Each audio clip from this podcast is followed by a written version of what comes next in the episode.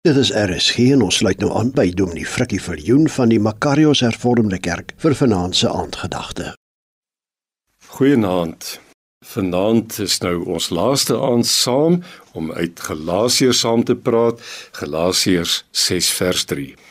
Broers, as iemand in die een of ander sonde val, met julle wat julle deur die Gees laat lei, so iemand in 'n gees van sagmoedigheid reghelp. Die Here het ons almal lief en smag daarna dat almal in hom sal glo en in sy genadegawe sal deel. Maar die manier hoe hy mense gaan haal en ander vertroos en in die geloof en vertroue op God versterk, is deur ons te gebruik en te stuur. Ons is die liggaam van Christus. Ons is sy oë en mond en hande en voete. Elkeen van ons wat deur sy gees en woord begenadig is om te glo. Die vraag is net Besef ons dit? Besef ons watter voorreg ons het om namens Christus besig te wees om God se koninkryk te bou. sien ons die nood van ander?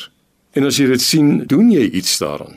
Of draai jy jou rug en hoop maar dat iemand anders sal ingryp? Bid ons vir mekaar.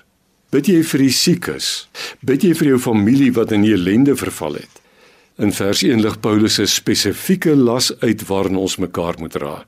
Hy sê broers en susters, as iemand in 'n een of ander sonde val, met julle wat julle deur die Gees laat lei, so iemand in 'n gees van sagmoedigheid reghelp. Die laste wat mense dra, is nie net siektes en armoede en hartseer, depressie en angstigheid en verontregting nie. Dit sluit ook die dinge in wat ons deur eie ongehoorsaamheid of nalatigheid of die verkeerde keuses oor ons eie lewe bring.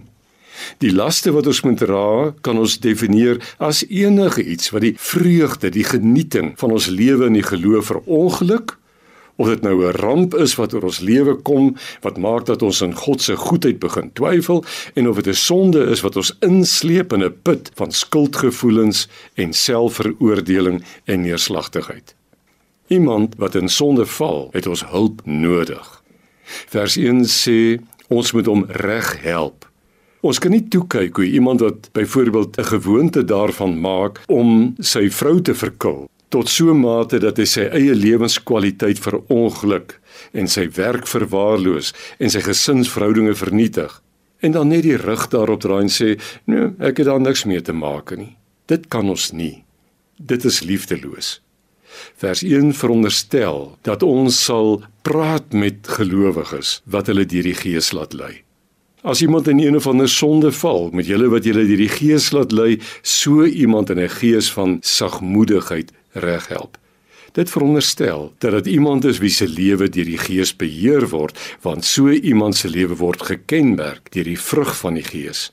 En nederigheid en sagmoedigheid is eienskappe van die vrug van die Gees waarmee ons so iemand benader. Kom ons bid saam. Here baie dankie dat ons vanaand ook en aan die einde van die week se oordeenkings die opdrag duidelik hoor oor ons verantwoordelikheid teenoor mekaar as gelowiges in die wêreld, maar ook ons verantwoordelikheid teenoor hulle wat nog buite die geloof staan.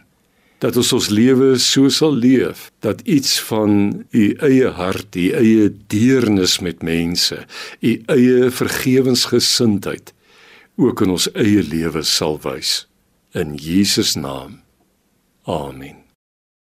Die aandgedagte hier op RSG is vanaand aangebied deur Dominee Frikkie van Joen van die Makarios Hervormde Gemeente.